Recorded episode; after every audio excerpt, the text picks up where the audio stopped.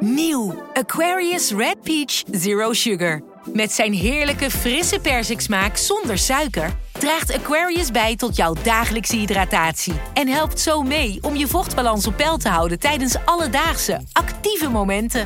Thuis, op het werk of onderweg. Ook verkrijgbaar in smaken lemon en orange. Probeer hem nu.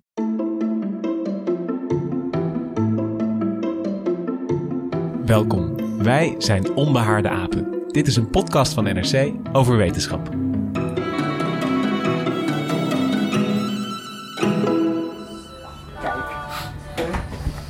Daar is de haven,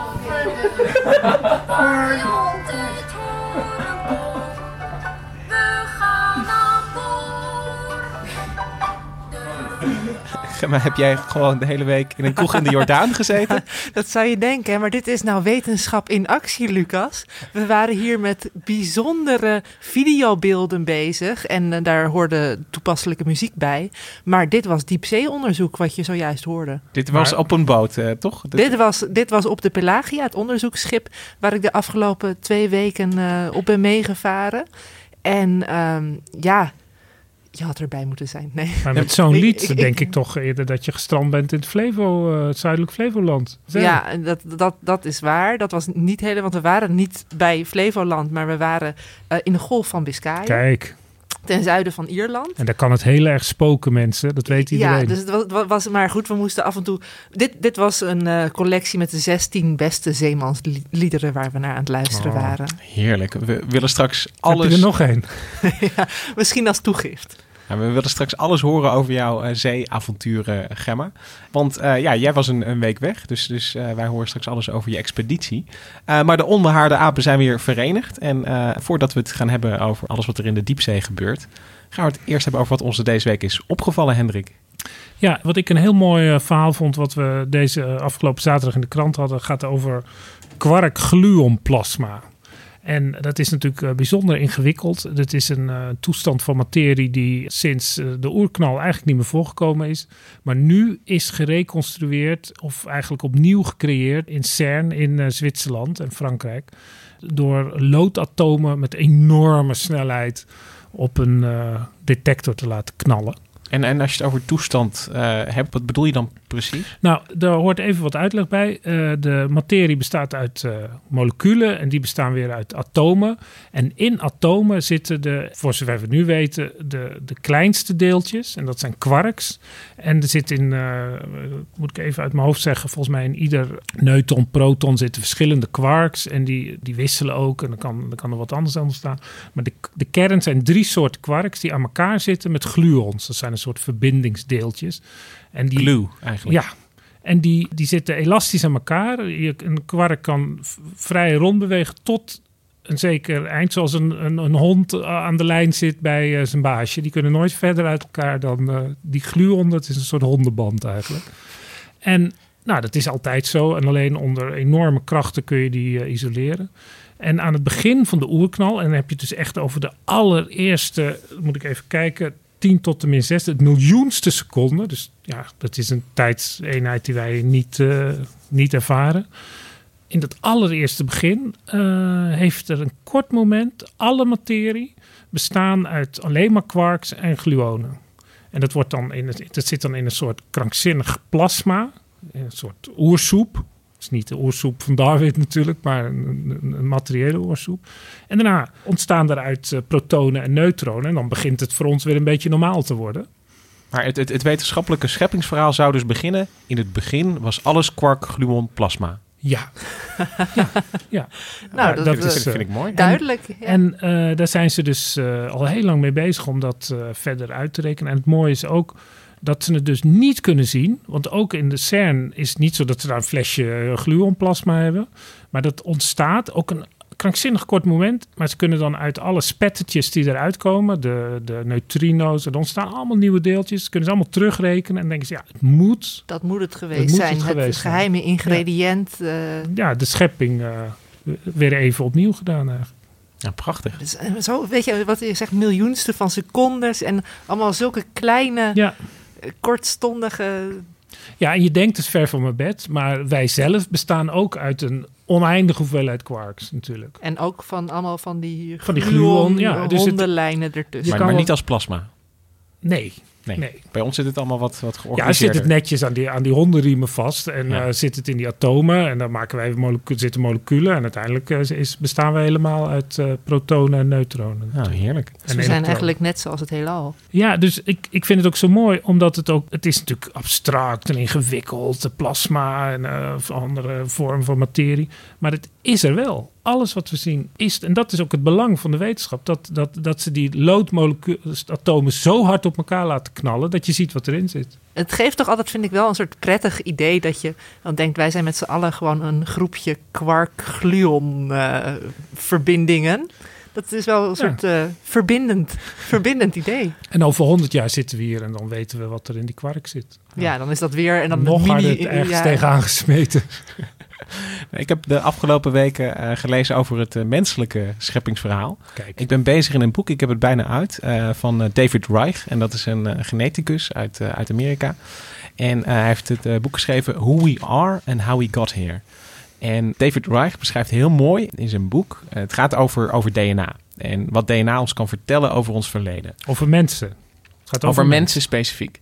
En het is, Het gaat eh, niet over oersoep. Nee, nee, nee. Het gaat echt over eh, de, de mens als soort. En wat hij heel mooi beschrijft is... eh het, het is de afgelopen jaren steeds makkelijker geworden om DNA te halen uit oude skeletten die je vindt. Het is echt een revolutie. Dat is echt een grote revolutie. En eh Svante Pabo die heeft dat eigenlijk ontwikkeld. Maar wat David... Finn, hè, die alles eh, heeft gedaan. Ja, precies. Dus steeds, eh, nou ja, die- de eerste die DNA uit de Neandertaler heeft gehaald bijvoorbeeld. Maar wat David Reich heeft gedaan, is die, die is de eerste die, die een soort fabriek heeft opgericht. En dat beschrijft hij ook bijna zo van, nou goed, al die innovatie, dat is allemaal in Europa, in Leipzig gebeurd.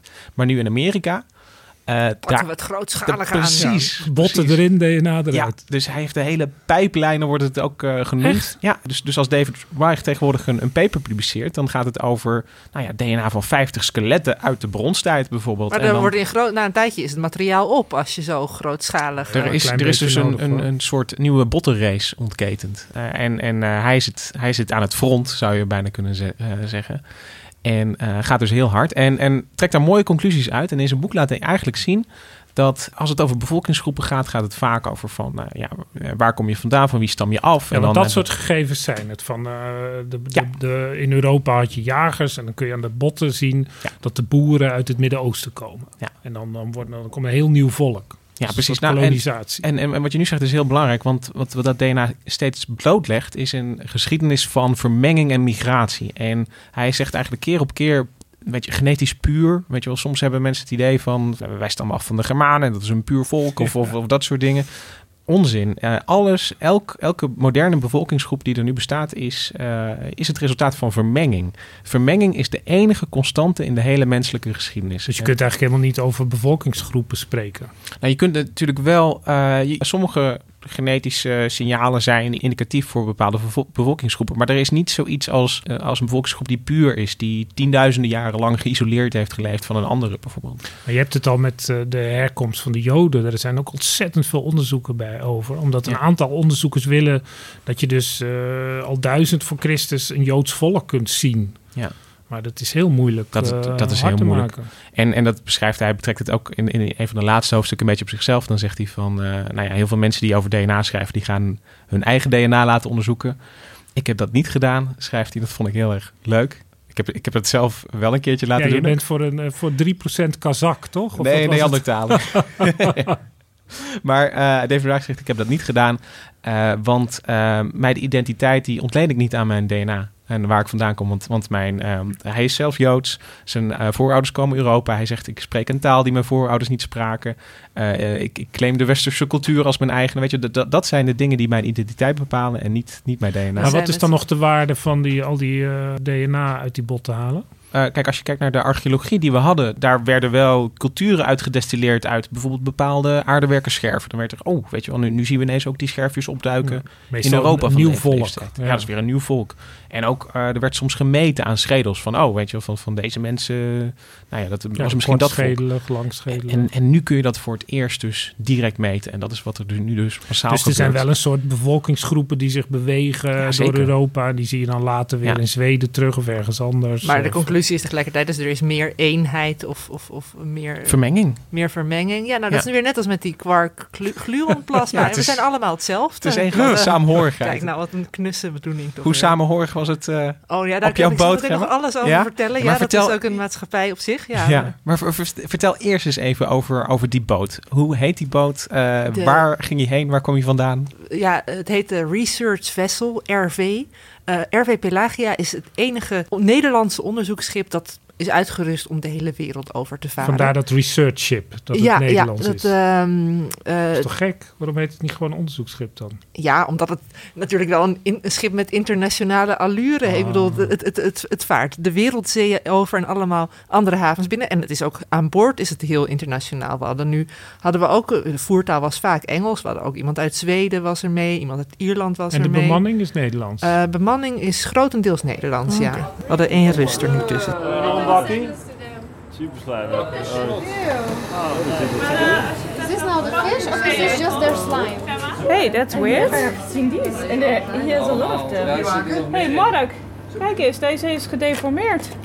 Zie je, die heeft hele platte Ja, stekers. nee, je hebt van die... eh, Maar de, de, de Pelagia ging uitvaren. We Ja, een potje ging uitvaren. Nee, ehm, eh, een half jaar geleden zelfs al. En ik ben natuurlijk niet het hele half jaar aan boord geweest. Je bent met de helikopter eh, erop gedropt. Nee, ik ben, eh, ik ben eerst naar Ierland gevlogen. En daar in de haven ben ik, ben ik aan, aan boord Oh, gegaan. Dat is leuk zeg. Maar het was een hele grote, grote expeditie eigenlijk. De NICO-expeditie. Netherlands Initiative Changing Oceans. Ook alweer Engels. Ja, ja. maar eh, en dan hoor je meteen mijn Nederlandse accent. Maar goed, ik kan het niet. Ja, de Nico-expeditie uh, afgelopen half jaar heeft dit schip dus een enorm parcours afgelegd vanuit Texel, de thuishaven, bij het uh, NIOS, het onderzoeksinstituut voor de zee, naar de Canarische eilanden. Vervolgens de hele Atlantische Oceaan overgestoken. Een paar rondes gevaren door. Allemaal het, onderzoekend. Allemaal onderzoekend. Ja, was ge geen dag is er eigenlijk uh, verloren gegaan. Want zo'n schip, nou, het is best wel duur hoor. 20.000 euro per dag, geloof ik, omgerekend. Uh, allemaal kostbare onderzoekstijd. Want er zijn uh, 25 mensen aan boord, bemanning en, en, wetenschappers samen. Moeten allemaal eten ook. Uh, en al die, al die apparaten moeten, moeten werken. Nou, zijn ze dus Canarische eilanden, een Caribisch gebied. Daar onderzoek gedaan, uh, toen via de Mississippi-delta, als ik het goed zeg. Ja. En een beetje meer naar het noorden. Ze zijn nog langs Newfoundland zijn ze gegaan en toen weer terug. Om Florida heen De dan Atlantische ja. Oceaan overgestoken tot aan Ierland. Wat een, uh, en daar reis, kwam ik erbij voor de laatste, hoe zeg je dat? De laatste loodjes op weg naar huis. En nu gaat uh, Pelagia nog een klein rondje doen op de Noordzee. Een soort toegift. Ja. En dan nog, nog een rondje ergens bij de Azoren om het af te leren. Maar je kunt zeggen, eigenlijk zit de Nico-expeditie er nu min of meer op. Die Maar grote... dat is dus een enorme hoeveelheid onderzoekers die dan... En, uh, jij misschien met jou in Dublin aanmonsterden... En dan, of zitten daar Steeds mensen een heel teams jaar... eigenlijk. Ja, het is de, de, bemanning die uh, werkt in principe zes weken op, zes weken af. En de etappes die waren vaak twee of drie weken. En er kwamen steeds weer nieuwe wetenschappers aan Dus boord. dan komt er een, een algenonderzoeker en die gaat dan een tijdje mee. En er komt ja, dan... precies. Uh, ja, en een zee, zeevogelbioloog... Um, uh, maar je hebt uh, allemaal geologen die onderzoek deden naar sediment, gingen naar oceaanstromingen, werden gekeken, koraalriffen, nou zeevogels wat ik net al zei, uh, inderdaad algen, schimmels, bacteriën, van uh, walvissen ook. Dus echt van het hele kleine tot het hele grote. En kun je dan als een... onderzoeker kun je dan ook echt intekenen op uh, bijvoorbeeld van, oh, ik moet echt uh, op de Cariben bij, erbij zijn, want ik doe onderzoek naar koraal. Dus ja, dan, iedereen kon, kon een onderzoeksvoorstel uh, indienen en vervolgens is dan gekeken wie matchen een beetje en ja, waar is er nog zit plek. Je, want, met je dolfijn ergens uh, op de ja, Noordpool. Waar geen dolfijnen ja. zijn. Nee, maar uh, dat is het leuke eigenlijk ook. Dat het heel interdisciplinair was. En ook allerlei verschillende onderzoeksinstituten. Uh, die boot die, die ligt dan wel in de haven bij het NIOS. Maar er waren nu ook mensen van allemaal universiteiten waren mee. Ook studenten. Op elke etappe gingen een paar studenten dan mee... om alvast kennis te maken met marien onderzoek. En kun je iets en, zeggen over hoe, hoe bijzonder is dit? Ik bedoel, dit, dit, dit schip gaat niet elk jaar zo'n toch nee, maken, dit toch? is eigenlijk uh, vrij uniek, zeker gezien dat, dus dat interdisciplinaire karakter. Ik bedoel, de Pelagia is wel eens eerder een half jaar weg geweest naar Afrika of weet ik veel wat. Maar dat er zo'n breedheid aan onderzoek is gedaan, dat is wel heel erg leuk. En dat er ook ruimte was voor wat, wat, wat, wat ja, um, hoe zeg je dat, meer verkennend onderzoek. Normaal moet je met een hele vaststaande missie op pad. Ja, dan En heb je een missie dat er eigenlijk van tevoren al duidelijk is dat er wel iets interessants uit zal komen. Want anders wordt er niet zoveel geld ja, uitgegeven. en nu was het, hè, we hebben het schip, dus, dus kom met ideeën en laten we met z'n allen proberen om aqua incognita, zoals je ook terra incognita hebt. Er is nog zoveel onbekend oceaangebied. Dus het is vaak, hoor je zeggen, we weten meer van de maan dan van de diepzee. En dat, Nou, dat is ook dat zo. is ook zo. Er is, eh, zeker driekwart van de oceaan is volgens mij nog niet goed in, in kaart gebracht. En het is fantastisch dat er dan zo'n groep wetenschappers met z'n allen de handen ineens laat van... Wij gaan op onderzoek uit. Wij, wij gaan kijken. We kijken of we weer een stukje van die puzzel kunnen leggen. Of, we- of we toch weer een beter beeld kunnen krijgen van wat gebeurt er nou allemaal? Hoe, want hoe zijn- alles met elkaar zijn- samen? Er is dat vliegtuig van de Ma- Malaysian eh, Airways is eh, neergestort in de Stille Oceaan daar bij Australië. Dat hebben ze nog steeds niet gevonden. Ik denk als het op de maan was neergestort. Dan hadden we het echt, eh, ja, maar dit is echt gewoon één grote black box eigenlijk. En wij hebben daar een kijkje in genomen. En dat is fantastisch dat je aan boord van zo'n schip... We hebben letterlijk gekeken, dus ook met onderwatercamera's. En dat je dan ziet wat zich 2000 meter onder je voeten afspeelt op dat moment. Wie daar allemaal voorbij zwemmen. En Kun, kun je daar iets meer over vertellen? Gaan er dan camera's hangen die dan daar op 2000 meter diepte? ja, je of, hebt, of- je hebt Wat is dat dan een soort eh, James Bond eh, boot waar dan zo'n klep open gaat onderin? Dat er dan zo'n duiker naar beneden kan? Ja, nou, Of, zo, zo geavanceerd is het nog net niet. Maar dit vond ik juist ook wel mooi dat je het hele proces kunt zien. Er staan op het achterdek van zo'n onderzoeksschip moet je, er staan allemaal interessante installaties, ehm, eh, een soort hijskranen en, en, en ehm, grote landers, bodemlanders. Dus eigenlijk een beetje een soort buitenaards ogende eh, installaties. En die worden overboord gezet. en die worden landers genoemd. Nou, Ja, je hebt, Doei. nou, Touwtje soms, soms, heb je, soms heb je, ja, nou zo gaat het eigenlijk. Maar over die landers kom ik zo nog, maar nu even over die De videocamera. bemanning wordt er dan aan vastgebonden natuurlijk.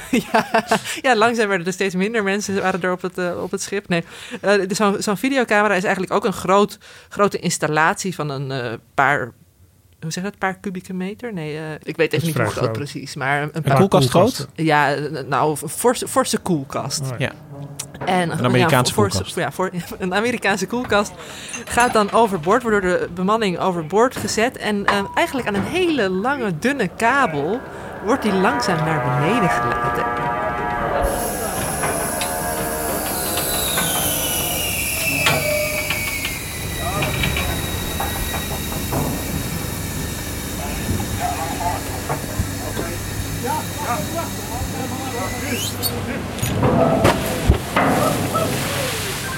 En dat is fantastisch, want er zijn dus camera's die eh, naar de bodem kijken en ook naar voren kijken. Die doen live opnames wat er allemaal te zien is. En zijn, het is natuurlijk wel lastig, want er zitten schijnwerpers aan zo'n ding, anders kun je niks zien. Alle vissen maken zich uit de voeten natuurlijk. Zijn er sommige ineens een soort vissen discobal die- naar beneden daar.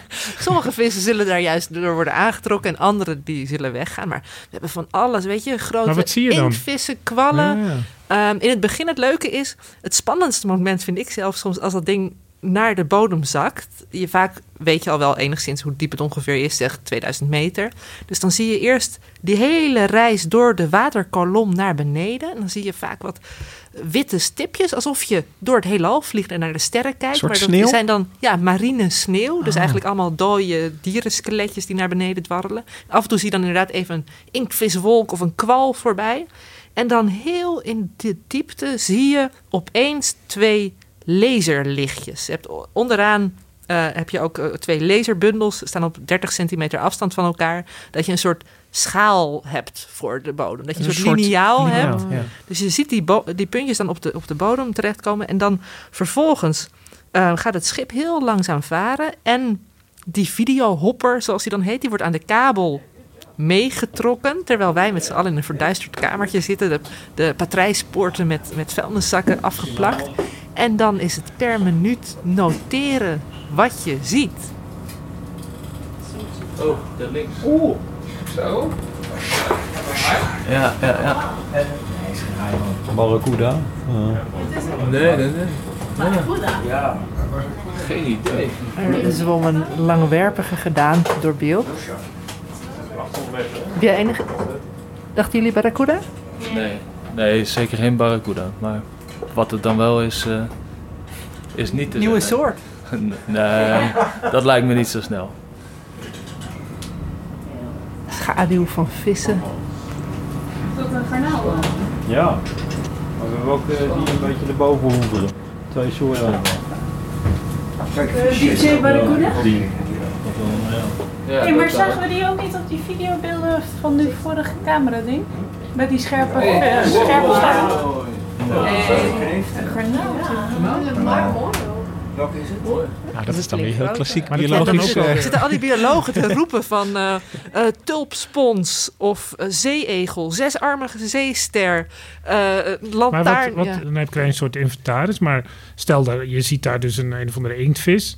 Dan zeg je onbekende inktvis. Ja. Want je kent het soort niet. En dus wat, wat gebeurt er dan mee? Wordt dan die band gegeven aan een, een of andere intvisdeskundige? Dat hij weet van dat hij dan zegt: hé, hey, Ja, die alle- hoort hier helemaal niet. Dat is interessant. Alle opnames worden thuis nog weer eh, bekeken, inderdaad door experts. Dat je ook kunt terugspoelen van, hé, hey, wat zwom daar voor bizars voorbij? Kennen we deze soort al? Want dat is inderdaad, sommige kun je direct determineren en andere nog helemaal niet.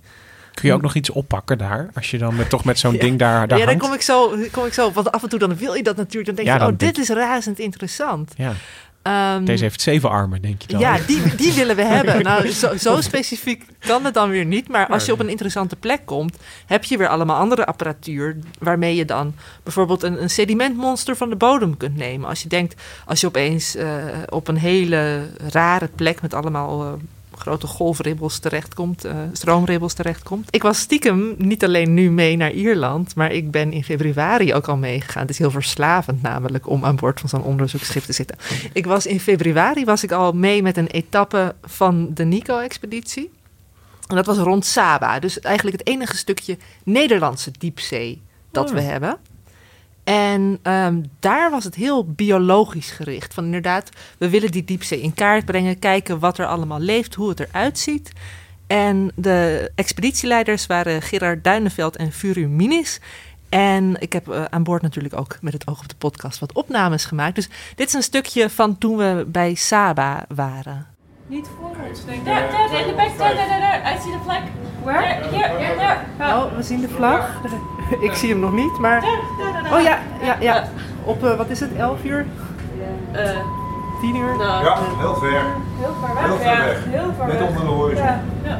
Oh, dat is een heel eind weg, ja. Goed voor jou. Goed gezien. De- dit was een vlag, een knaloranje vlag midden op zee. Dit was namelijk, eh, ik had het net al even over die bodemlanders. Dit was niet videohopper, maar een apparaat dat we daadwerkelijk naar de zeebodem hebben laten zakken. En daar hebben we dat ehm, met een ander type camera, een infraroodcamera, dus minder verstorend voor het onderwaterleven, een tijdje laten staan. Met daaraan gebonden een eh, oude panty van een van de onderzoekers. Met wat rottende vis erin. Zat er wat in? Ja, ja, we hebben behoorlijk wat gevangen.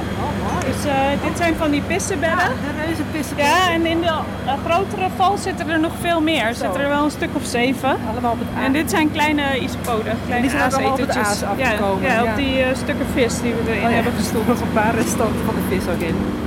Visbedden, zo. Die zijn echt buitenaard, zeg.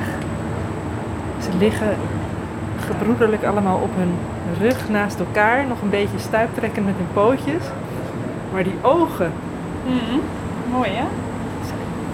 Nee, niet mooi. niet mooi? Ja, ik vind het wel prachtig. Beetje, Beetje. Terminator-achtig. ja, ik, eh, ik weet niet hoe lekker ik ga slapen vannacht met deze dieren aan boord. Dan heb je opeens een 30 centimeter groot, grote alien eigenlijk. Een hele je- boze alien. Ja, hij is zo, zo bleek roze en dan met die hele intens zwarte ogen staart hij je aan. En ja, kan die- hij je wel zien, want ik bedoel... ja wat, wat oké, nou ja, voor me, hè, ik bedoel, mijn fantasie gaat dan misschien een beetje. Ik heb niet dat wetenschappelijke instinct van al die onderzoekers daar, maar ik denk dan, nou, ik, hij heeft me in mijn dromen nog wel achtervolgd. Maar ik ik, boord- ik- ontploft hij over, dan? overleeft hij dat drukverschil? Ja. Ja, nou, oké, dat die Saba-expeditie, daar zijn voor de wetenschap wel wat dieren gesneuveld. Ja. Vooral vissen. Eh, als die naar boven komen vanwege het drukverschil, die hebben een zwemblaas, die zet dan uit, ogen zet ook uit. Tegelijkertijd werden er ook wel aan boord allemaal experimenten gedaan met e-DNA. Ik weet niet of jullie daar al wel van gehoord Nee, hebben. wat is dat? Eh, dat is een nieuwe methode die ze eigenlijk aan het uitvinden zijn de laatste jaren. Om met behulp van allemaal losse deeltjes van, van Oh. eh, urine en, en vissen. De I staat voor environmental. Precies, ja. dat en, ze gewoon en, zo'n en, hele en, schubben. eh, analyseren. Dus als je eenmaal, kijk, daarom hè, van die pissenbedden werd wel een pootje uitgetrokken om dan het DNA vervolgens te, ja, nou goed, eh, gesneuveld voor de wetenschap, zullen we maar zeggen. Maar in de toekomst hopen ze dus juist door een hele database aan te leggen van, van alle soorten en, en hun DNA om een veel minder invasieve methode te hebben door gewoon die losse schubben op te vissen en ehm, Minder goed, invasief is gewoon een eufemisme voor minder dieren doodmaken. mi- mi- ja, mi- minder, minder dodelijke manier Ja, maar je moet toch vinden. zien Ja, wat ja. het is. Want anders denk je, nou, we hebben nu DNA X en DNA Y. Maar, maar als je deze databank hebt, ja. Maar het is wel interessant voor mij als geoloog was inderdaad toen Saba heel erg biologisch en dat ik ook wel dacht Maar, maar van kun je oh ja, nog heel even voordat je verder gaat, ik, ik snap de oranje vlag, snap Ja. ik nog niet helemaal. Oh ja. ja, daar, daar. Ja, ik, ik, die helemaal in pissenbedden gaven vervoering als zich over. Ja, precies. Dat was eigenlijk een witte vlag. Het was, Ja, vissen. Laat, laat ons het was ook Nederlands grondgebied Ja. natuurlijk. Nee, het, het, eh, nou, Het was een oranje fan die daar eh, afgezonken was. Nou ja, goed, we hebben het territorium afgebakend. Nee, ik, ik, ik zal het even proberen uit te leggen. Ik had het net al even over die landers. Hè? Al die spannende apparatuur aan boord eh, van het dek. En die videohopper waar ik het net over had, die, die werd gewoon weer binnengetakeld aan de kabel. Maar we hadden ook apparatuur die we een tijdje op de zeebodem lieten staan. Zonder verbinding, zonder draad of wat ook. Ja, wij, voeren gewoon, Ja. weg. En ehm, eh, Nee. het grappige is dat er dan onderin was er een soort verzwaring. Ze hebben dan een hele hoop oud schroot, eh, 450 kilo. eh, daarmee staat het dan verankerd eigenlijk. En dan heb je dus op de zeebodem heb je meetapparatuur. Nou ja, dus ofwel camera's, ofwel sedimentvallen om sediment te verzamelen. eh, maar ook meters voor eh, temperatuur, turbulentie enzovoort. Zoutwatergehalte Ja, natuurlijk. wat je maar wil meten, kun je daarmee meten. En vervolgens zit daar ook een soort boei aan. eh, vaak een oranje, een beetje smarty-vormige drijfding. Ehm, soms ook met, een- met een vlaggetje. Vlag. Maar het grappige is dat, dat je met een radiosignaal vanaf het schip... na 24 uur of na een week of soms ook zelfs na een jaar... een signaal kunt geven naar die lander toe. Hop, het is tijd om weer naar Oh, huis te komen. E.T. phone home. En dan typen ze een code in op het schip. En dan hoor je allemaal eh, ge- gepiep. En dan, En een tune. eh, dan komt dat ding. Ja, dan hoor je wat spannende muziek. Of, of zo'n zeemansnummer. En dan komt die lander, als het goed is natuurlijk. Want er kan van alles gebeurd zijn. Zeker als er een jaar tussen zit. Komt die naar boven. Aan die kabel die tussen dat schroot en die boei zit. Ja, dan, eh, zeg maar, dan, dan, dan, dan laat eigenlijk die verankering, dat schroot, dat blijft dan, blijft dan achter. Liggen. En de rest komt plop. Ja, ja, goed. Ja, maar ik, ik, Ik probeer het steeds ik- een beetje ik maak het lijstje even af. Ze maken dieren dood, ze laten rommel achter op de zeebodem. Maar goed, ga Oh, maar verder. allemaal voor, voor de maar gewoon wetenschap. waardeloze ja. troep laten Ja, nou, maar ik bedoel, hè, we, we- zijn met z'n allen, laten we een hoop troep Ja, achter nee, in de oceaan. maar het En- is, ijzer en- is een soort bemesting voor de diepzee. Ja, dat is waar. Dus eh, ze proberen zo min mogelijk invasief te zijn. Maar ehm Maar goed, dan komt dat vervolgens dingetje komt weer, hij dan weer naar boven. omhoog. En ja, dan, dan, dan is dat vlaggetje te zien. Dat, Boven dat het komt dan zo. Ja, ik had het net ook over die Smarties, maar dat zei ik ook niet helemaal goed. Dat zijn die drijvers, maar die, die komen dan naar Ja. boven drijven. Net zoals het vlagje, die komen naar boven drijven als dat ding wordt losgelaten. En dat zie je dus vanaf de brug, vanaf de stuurhut van de Pelagia. Kun je dan zeggen, hé, hey, daar is hij. Daar moeten we hem weer oppikken. En dan varen we er naartoe en dan haalt de bemanning haalt dat ding weer aan boord. Oh, daar komt hij. Een mooie geel. Dit is het wagentje, Gerard. Het is een soort geel ei, lijkt het haast. Ja, helemaal hydrodynamisch gevormd.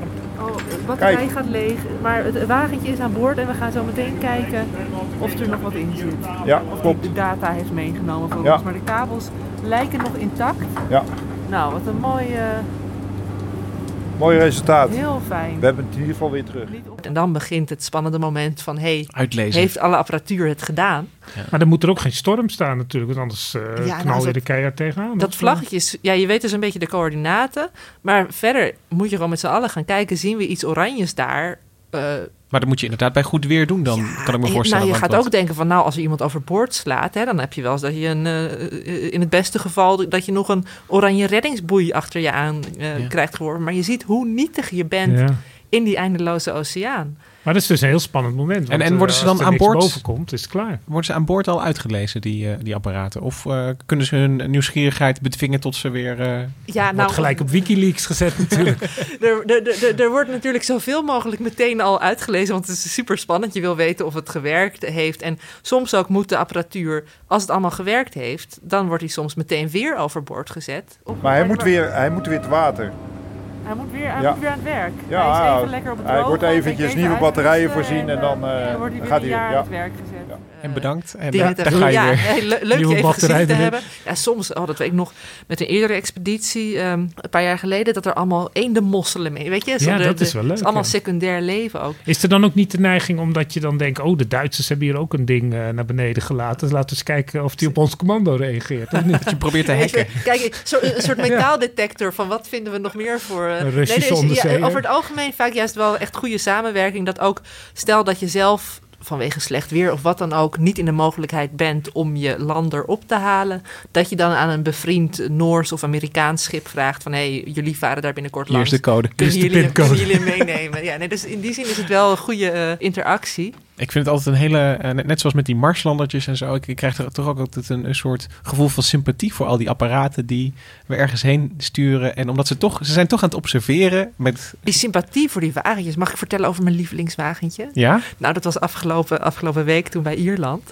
We zaten op de grens van ja, de continental shelf, waar het een paar honderd meter diep is, naar echt de diepzee van een paar duizend meter diep. het continentaal plat. Ja, ik zit inderdaad nog helemaal in de Engelse modus. En daar zaten we boven een enorme canyon. Eigenlijk de Grand Canyon, maar dan onder water. De Was het continentaal plat voorbij of, of er nog erboven? nou, eerst waren we erboven en toen gingen we langzaam naar de Oh, ja. diepte toe. Want, eh, want even voor, voor, eh, voor voor mijn begrip, dat zijn gewoon de uitlopers van, van Europa, zeg maar. Voor een onderwatergeoloog loopt het continent nog door eigenlijk. Ja, ook, precies. ook al is het al zee. Ja, maar dan zit je al wel een paar honderd meter diepte, maar dan is het nog vrij vlak allemaal. Ja. En dan opeens kom je daar aan de rand. Als je onder water zou kunnen lopen, zou je zo vrij horizontaal wandel, wandel, wandel. En dan opeens kom je dus aan de Grand Canyon terecht. En dan ga je met een paar duizend meter de diepte in. En boven dat gebied, boven een van die canyons, de Wittert Canyon, hebben wij nu onderzoek gedaan. Want eh, wat ze eigenlijk nog heel weinig weten is hoe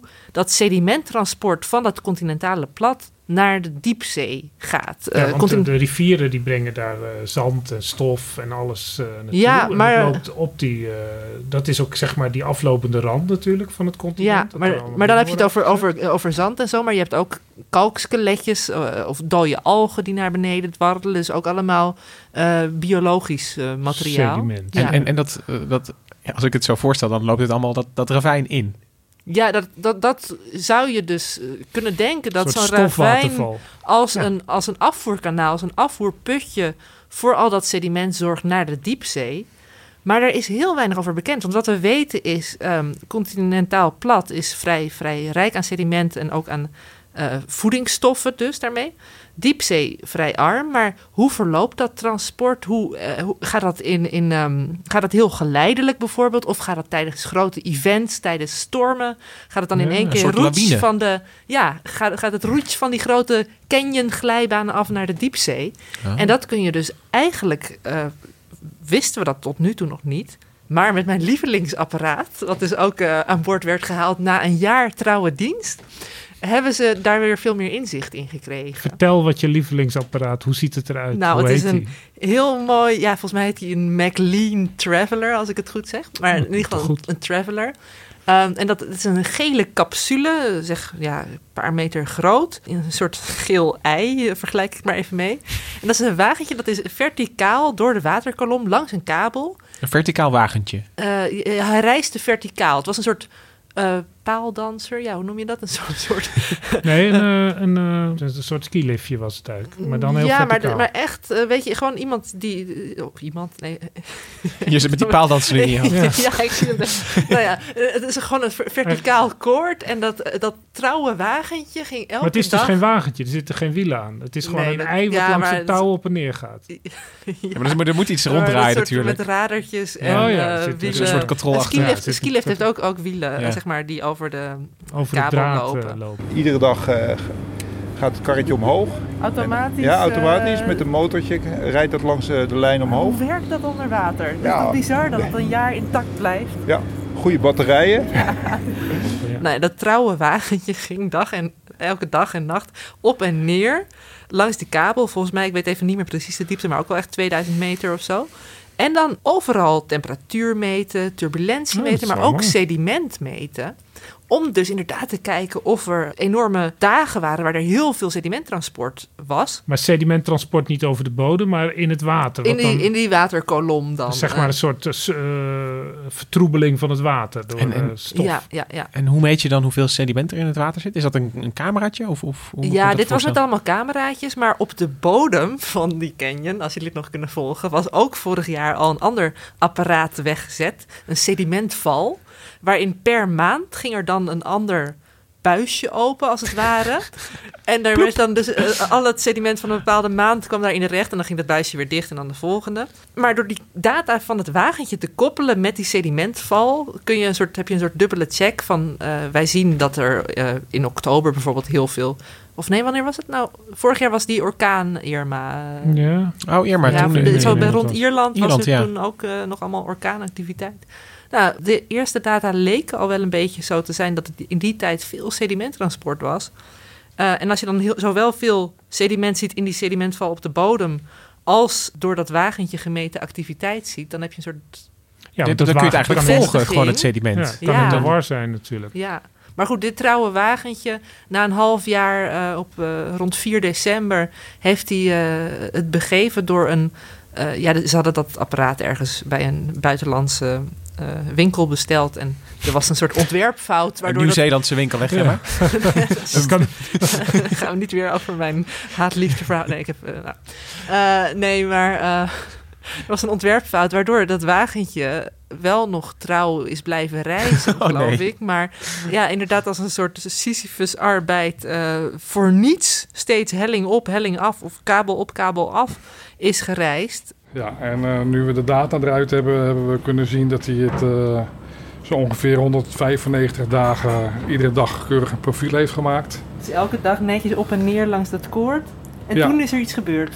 Toen is er blijkbaar iets gebeurd waardoor hij eh, nou ja, eigenlijk is blijven vastzitten op een, op een bepaalde diepte. En dat was 4, 4 december.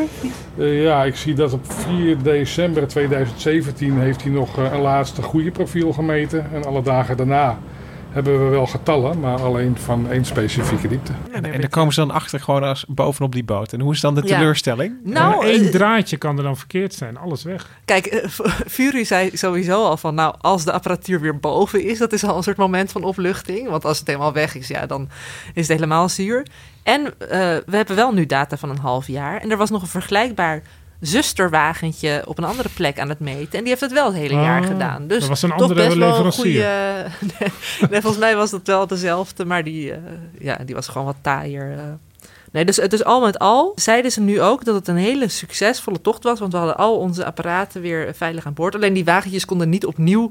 Eigenlijk was het plan om ze nu nog weer een jaar aan het werk te zetten. Maar nu mogen ze fijn mee naar huis om te kijken of er op de operatietafel nog iets aan te doen is. eh. En, en heb je een Oh. idee hoe, hoe duur zo'n eh, car is? Mm, ik denk dat het echt, nou ja, op zijn minst duizenden, maar de- het zijn astronomische bedragen die echt eh, het, het is voor, als ik het zo allemaal... neer moet leggen. Weet je, je hebt landers, je hebt van die wagentjes, je hebt sedimentvallen. Ja, het is, en alleen het is dat allemaal al, is al best wel prijzig volgens mij. Ja, Ja. Het is, eh, je laat allemaal al nog, nogal wat eh, staan op de, op de zeebodem. Ik bedoel, niemand die er verder aankomt of zo. Dus, dus, eh, dus- maar ja, als zo'n wagentje stuk blijkt, is er dan een soort sfeer van teleurstelling? Is iedereen dan een, een dag chagrijnig? Nou, iedereen is vooral heel erg opgelucht als het allemaal goed gaat. Maar je moet wel een soort mate van, van eh relaxedheid of flexibiliteit aan, aan boord hebben.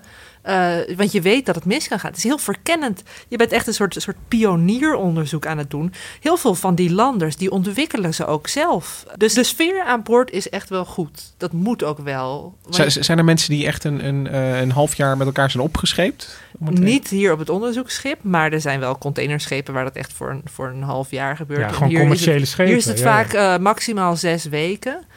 Maar ja, je zit in een drijvend, op een drijvend eiland van, wat is het, eh 40 bij, bij 15. Ik weet even niet meer precies de afmeting, maar zoiets in die orde van grootte zaten we. En ehm, je bent even elkaars alles. Je, bent Maar je hoort ook altijd uit onderzoek daarnaar dat het eh, de helft van de tijd is altijd beslissend. Dan als je dus eh, zeg maar of je nou een half jaar op Antarctica zit of eh, zeven weken in een onderzeeboot, de helft dat is zeg maar het moment waarop eh, iets kan knappen. Dat je dan denkt, nu ben ik al op de helft en alles is mislukt. Of ik, nu ben ik dat ges- gesmak zat van die man Ja, dan- eh, naast me. Er is ook dan prik je een vork in zijn oog. ja, er maar. is ook het verhaal van een. eh, dat is dan natuurlijk echt Noordpoolwerk. Ik geloof dat die Admiral Beards, ik dacht dat het een Amerikaan was. Die is ook op een gegeven moment in zijn eentje gaan overwinteren op de Noordpool. Omdat hij wist, als ik met z'n tweeën gaat en die man gaat smakken, dan vermoord ik hem.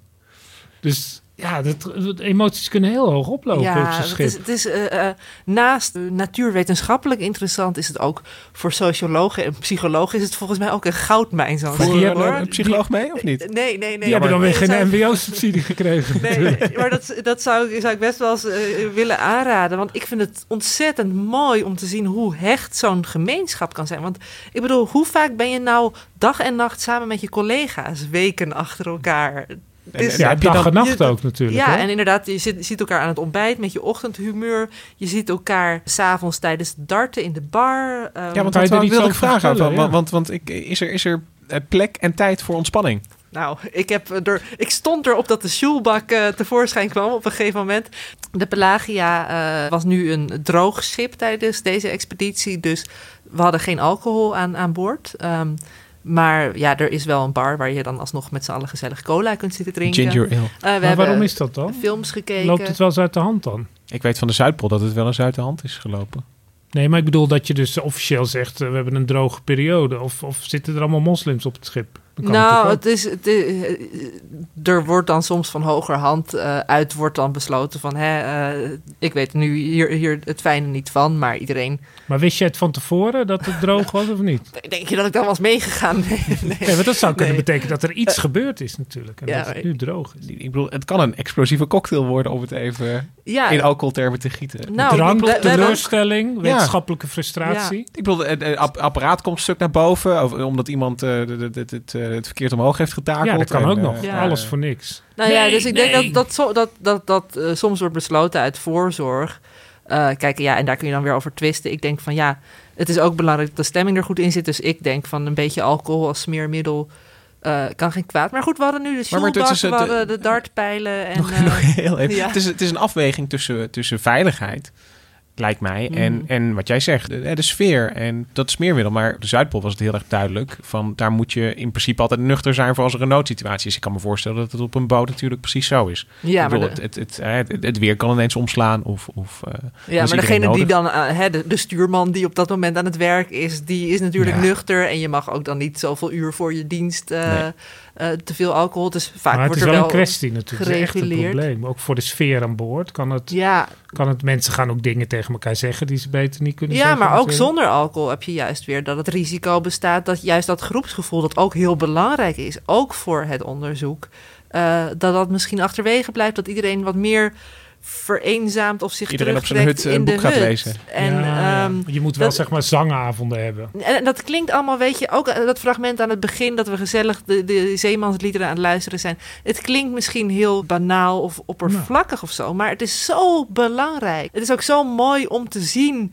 Ik ben echt gewoon van iedereen op dat schip zo gaan houden. Ja, ik, ik, eh, weet je, al die, al die ruige zeebonken met hun harten van goud. Weet je, iedereen gaat er voor elkaar door het vuur. Het is, iedereen probeert er het best van te maken. Een van hen verwoordde het heel mooi van...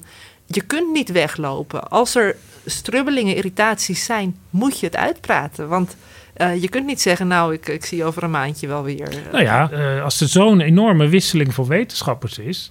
Als de, de meeste wetenschappers maar eh, misschien drie of vier weken er zijn... dan is er een enorme wisseling. Dus dan is het ook wel weer heel moeilijk voor die bemanning... om dan een soort centrale sfeer te, te behouden. Omdat als, als ja, en dat doen iedereen ze dus wel heel goed, vind ik. Ze betrekken je meteen bij alles. Weet je, ze vertellen mooie verhalen. Ik was dan eh, Norberto, een, eh, een van de Portugese bemanningsleden. Nou, die raden me allemaal boeken aan die ik moest lezen. Je hebt meteen, het voelt alsof, voor mij vind ik, alsof je al, elkaar al heel lang kent. En het is ook echt, ehm, ik ben echt net teruggekomen en ik dein lichamelijk nog na van de landziekte. Hè? Dus het gevoel dat alles om je heen nog beweegt, Eh, ook Oh, al ben je, hebt- weer ja, aan je hebt- land. Je hebt, nu het omgekeerde van ja, ik heb vannacht, was mijn eerste nacht weer in mijn eigen bed. Nou, ik werd wakker en de hele kamer tolde om me heen. Maar, dat ik heb, ook die landziekte, is ook Ja. een soort heimwee naar mijn tijdelijke familie daar aan boord. Maar dat heb je al als je een, een dag bent zeilen. Dan is het, de land, het land ook ineens heel hard. Als je daar overheen loopt. Ja, ja, het veert niet zo lekker mee. Maar je had ook windkracht 10, toch? Oh, die eerste. Oh, dat hebben jullie eh, wel even toen ik belde vanaf Ja, het schip je gehoord. vertelde dat je maar, zeeziek eh, was. ja, ik, ik 10, weet eindelijk hallo. wat zeeziekte is. Dat, eh, maar het leuke is dat de kok ehm, eh, aan boord, Iwan, die had wel een eh, goede zeeziektip. De zeeziektip is, als je je niet lekker voelt, slappe thee drinken, een eh bouillonnetje en een banaantje, want die glijdt makkelijk erin en makkelijk er weer uit. Dus er lag ook een hele grote fruitschaal met allemaal bananen daar in de eerste dagen als noodgeval. Ik heb ook de eerste dagen niet zoveel mensen gezien. Maar- Maar de kok, dat is volgens mij ook de centrale figuur op dit soort expedities. Nou, die is ook wel echt super hard aan het werk de hele tijd. Ja, Weet je, hoeveel aardappels je wel niet moet eh, schillen. Ja, ik heb nog met boontjesdoppen meegeholpen Ja. één dag. Maar dat was ook al, ik kreeg nog meer bewondering voor hem. Nee, maar het is, ehm, eh, s ochtends heb je dan van 7 tot 8 ontbijt. Je hebt dan van zeg half 1 tot 1 lunch. En dan om 6 uur is het avondeten. Dus er zit een hele prettige regelmaat ook in. Maar komt er nou nog één groot boek met alle onderzoek? Of dat onderzoek verspreidt zich dan weer over allerlei wat ze daar gedaan hebben op Universiteit Zus en dan Ja. Publicatie daar. En, nou, het dus is nu eh, natuurlijk inderdaad al die gegevens. De Pelagia is nu op Texel gekomen met een ruim vol vrieskisten. Ik ging daar wel sporten aan boord, want je wil natuurlijk ook wat bewegen. Er stonden wat fitnessapparaten. En daaromheen stonden nou zeker zes vrieskisten afgeladen vol met vissenschubben, met bevroren tropische vogel, met sedimentmonsters. Allemaal weer op specifieke temperaturen bewaard. Eh, schimmels, algen, noem maar op. En daar gaat nu in de komende maanden heel veel onderzoek naar worden gedaan. Van wat, er, er waren dus ook een paar onderzoekslabs aan boord. Zeecontainers waar mensen al ter plekke konden kijken naar eh, bepaalde nutriënten in het water.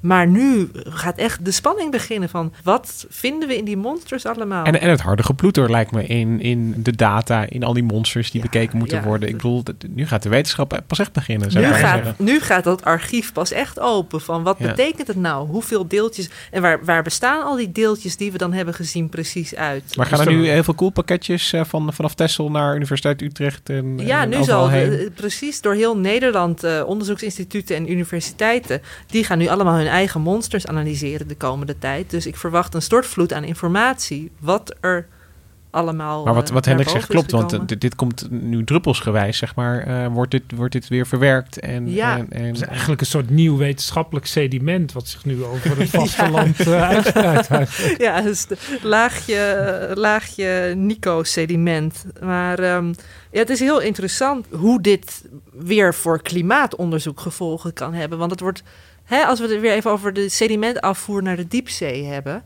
Stel nou dat je heel veel algen, die eh, nemen weer CO2 op. Stel dat al die algen eh, doodgaan en dan helemaal naar de diepzee worden getransporteerd. Daar worden begraven als het ware. Dan is er CO2-opslag voor eeuwen en eeuwen weer ehm, eh, Gegarandeerd. gegarandeerd. Maar wa- wa- wat ik me nog afvraag is... ehm, ik bedoel, dit schip is nu een, een half jaar weg geweest. Dat, dat gebeurt niet zo vaak, begrijp ik van jou. Is het nou zo dat, dat er nog jaren hierna nog over deze expeditie nagepraat worden... zoals we het nu nog steeds over de Beagle hebben? Van, is het van, oh, toen, toen de Nico ging, daar, daar kwam pas iets moois uit. Ja, ik denk dat dit het begin is. Ik hoop dat het wel misschien ook een soort revolutie is in zeeonderzoek. Dat wetenschappers, eh, marine wetenschappers, denk ik voor het eerst zo grootschalig de handen ineen hebben geslagen van laten we de oceaan nu eens met z'n allen tegelijk vanuit verschillende disciplines tegelijkertijd bekijken. Dus niet, hè, de een gaat een maandje varen om vissen te bestuderen en de ander gaat een maandje juist alleen naar virussen in de oceaan kijken. Maar met z'n allen zijn we geïnteresseerd in hetzelfde onderzoeksterrein en ik hoop dat dit inderdaad een soort omwenteling, een keerpunt is. Nou, die saamhorigheid, nou ja, daar zijn we dan toch weer helemaal rond. We begonnen met eh quark gluons die aan elkaar plakten.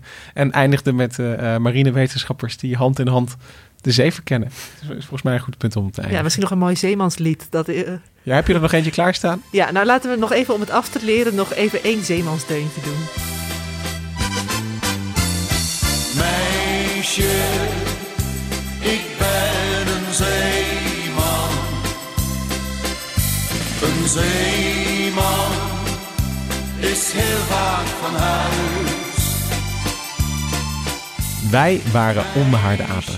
Dit is een podcast van NRC over wetenschap. En je kunt je abonneren op deze podcast, zodat je altijd de laatste aflevering binnenkrijgt. Eh, je kunt ook eh, je vragen sturen. Eh, dat kan naar ons op Twitter, bijvoorbeeld naar Lucas Brouwers en naar Hendrik Spiering. En Gemma JV. Of NSC Wetenschap. Ja, daar zijn we allemaal heel goed te bereiken. Uh, je kunt ook een mailtje sturen als je dat wil naar durftevragen.nrc.nl.